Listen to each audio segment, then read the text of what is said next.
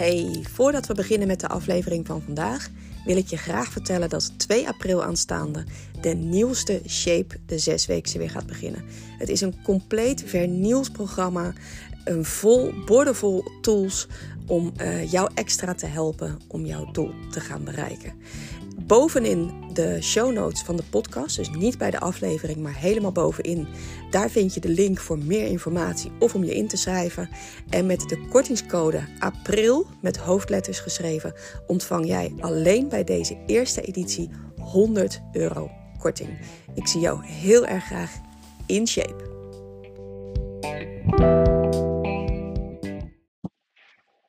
Yes, ben ik weer. Podcast nummer 2 van vandaag. En podcast nummer 2 gaat over calorieën tellen. Nou, dus snap je misschien, het heeft natuurlijk wel allemaal raakvlakken met elkaar. Het dient allemaal hetzelfde doel, wat ik hier allemaal verkondig in al die afleveringen. Maar het uh, heeft niet echt direct um, iets te maken met het vorige verhaal. Dus vandaar dat ik er nu een tweede aflevering over opneem. Ik weet dat er heel veel mensen zijn die zeggen dat calorieën tellen, dat is echt helemaal niks voor mij. Dat vind ik ruk, dat ga ik niet doen. Het werkt niet, ik hield het niet vol, om wat voor reden dan ook. Ze vinden het niks. Nou, eh, vooropgesteld, als je iets nog nooit geprobeerd hebt, kun je er geen oordeel over geven. Als jij iets nog nooit geproefd hebt, kun je ook niet roepen dat je het niet lekker vindt. Maar we hebben het nu even over de mensen die dat al een keer geprobeerd hebben. En met zo iemand raakte ik van de week in gesprek. En uh, we gingen eens dieper in op waarom zij dat niks vond. En uh, toen kwamen we eigenlijk tot de conclusie dat de reden dat zij dat niks vond, zij dacht dat dat ging over het tellen van de calorieën, maar daar ging het helemaal niet om. En ik noemde haar, um, ik, ik, ik um, schetste haar een voorbeeld. Stel je nou eens voor dat je iets voor de eerste keer in je leven gaat eten. Nou, laten we eens iets simpels noemen. Je gaat uh, weet ik veel. Je gaat voor het eerst in je leven ga jij een carbonaatje eten. Nou, de meeste mensen zullen dat wel eens gegeten hebben.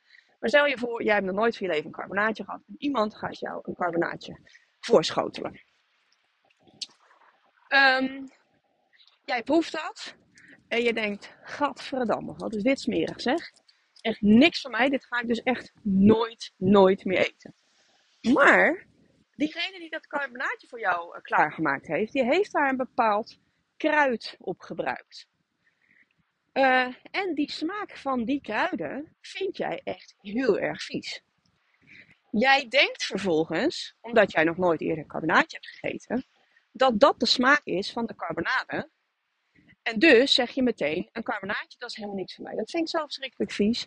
Terwijl als het carbonaatje klaargemaakt zou zijn, op een andere manier en op een andere manier gekruid zou zijn, zou je het misschien hartstikke lekker vinden.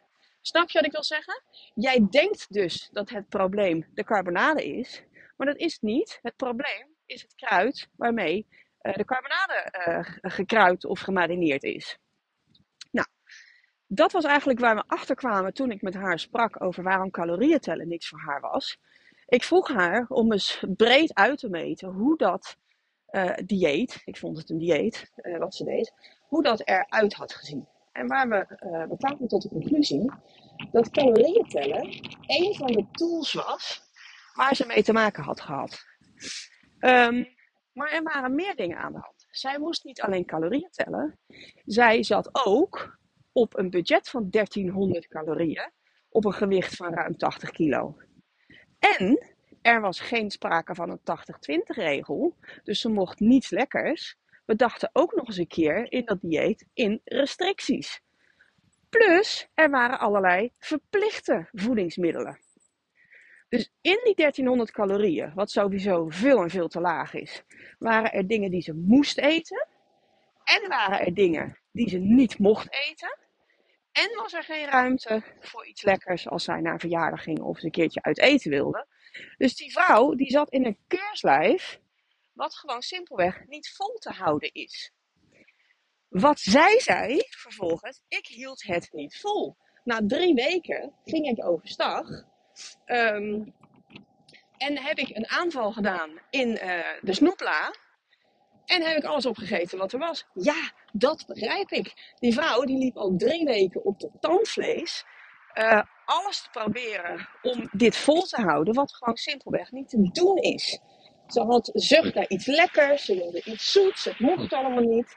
De dingen die ze wel moest, die vond ze niet tevreden. Maar goed, dat moest nou eenmaal, want anders werd haar verteld, zou ze niet afvallen. Maar de basis hiervan was in haar ogen calorieën tellen. En dus heeft deze vrouw ehm, het feit dat calorieën uh, tellen niks voor haar is, heeft zij in haar hoofd geprent. Terwijl als zij de carbonade op een andere gekruide manier voorgeschoteld had gekregen, had ze hem misschien wel gelust. Snap je? Dus als jij nu zegt, calorieën tellen is echt niks voor mij, vraag je dan af wat de andere eigenschappen waren van het dieet, of de andere eisen van het dieet dat jij op dat moment aan het volgen was. Als jij namelijk calorieën telt op een budget van 17, 1800 calorieën, ik noem maar wat, en ik weet zeker dat er mensen zijn die dit aantal nu horen en die denken direct, ja, doe eens jullie, daar val ik niet op af. Nou, hold my beer, daag me uit. Um, kom maar eens een keer bij mij in een programma en ik laat je zien dat je veel meer kunt eten en toch gewoon af kunt vallen. Um, maar als jij namelijk calorieën telt op een budget van 17, 1800 calorieën, uh, je hoeft niet verplicht te eten. Uh, je bepaalt zelf wat je eet. En er zijn geen verboden voedingsmiddelen. En je hebt de hele dag door, ziet je vol in plaats van dat je honger ervaart. Terwijl je gewoon vet verliest. Dan denk ik ineens dat jij zou zeggen, calorieën tellen, dat is het ei van Columbus. Er is geen betere manier om op een goede manier af te vallen dan gewoon bij te houden wat je in je mondje stopt. Uh, nou ja, en toen ik dat aan haar, uh, tegen haar zei, dus dit zou uitleggen, toen zei ze: Ja, ik zie nu eigenlijk ineens, inderdaad, dat het calorieën tellen, dat was het probleem helemaal niet. Het probleem was dat ik honger had, dat ik niks lekkers mocht, dat ik er helemaal knettergek van werd, omdat ik dus de hele dag door zucht had naar iets wat ik niet mocht. Dus in mijn hoofd werd dat een steeds groter ding. Um, maar inderdaad, op de manier zoals jij het schetst, denk ik dat het super goed vol te houden is.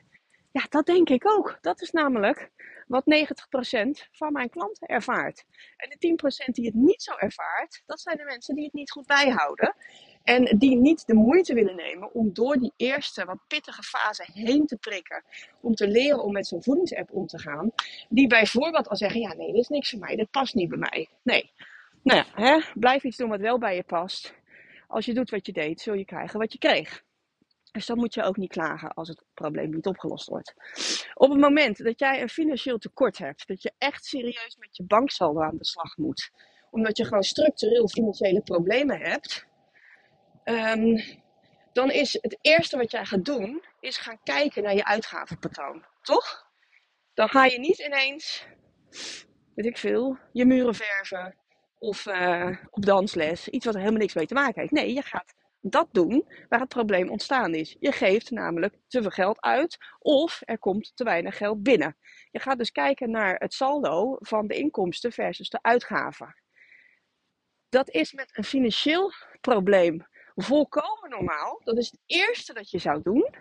Maar op het moment dat jij overgewicht hebt, wat veroorzaakt wordt door een disbalans tussen calorieën in versus calorieën uit, dan schieten we ineens allemaal uit onze panty en zeggen we van ja, maar dat ga ik niet doen. Dat vind ik echt zo stom. Terwijl het gewoon de meest simpele, basale manier is van je probleem gaan analyseren. Waar zat het probleem? En het vervolgens te gaan tackelen en je probleem op te lossen. Ja, het is niet inderdaad de meest hippe, uh, fancy uh, manier om ermee om te gaan. Het heeft ook geen luxe jasje. Het heeft ook niet een of andere glamorous uitstraling dat jij meedoet met het dieet van de nieuwste TikTok-influencer. Nee, dat klopt. Heeft het allemaal niet. Heb je ook niet nodig. Terug naar de basis. Calorieën in versus calorieën uit. Eurotje in versus eurotje uit om je financiële problemen op te lossen. En calorieën in versus calorieën uit om je overgewichtprobleem op te lossen. Komt daar verder dan niet nog heel veel bij kijken? Ja, maar dit is de basis. En als jij die basis niet uh, wenst aan te gaan, als je dat pertinent weigert, dan heeft de rest heeft geen zin.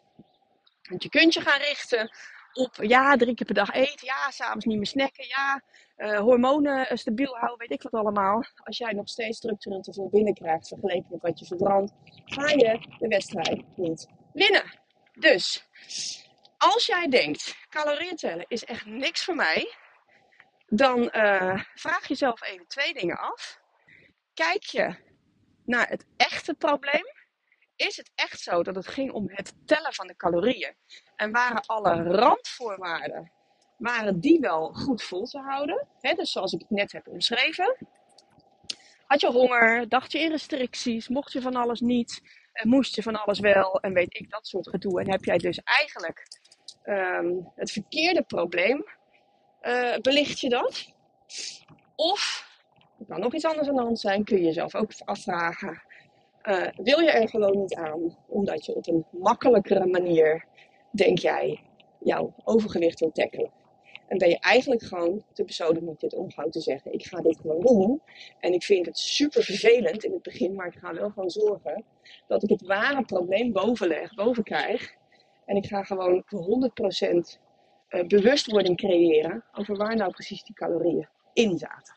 Dat zou ook nog kunnen dat je er gewoon achter beschuilt dat het niks voor jou is. Doodzonde. Want, um, nou ja, ik ken inmiddels honderden mensen die hiermee definitief van de strijd met eten en overgewicht af zijn gekomen. En die zeggen van ja, in het begin was het even pittig.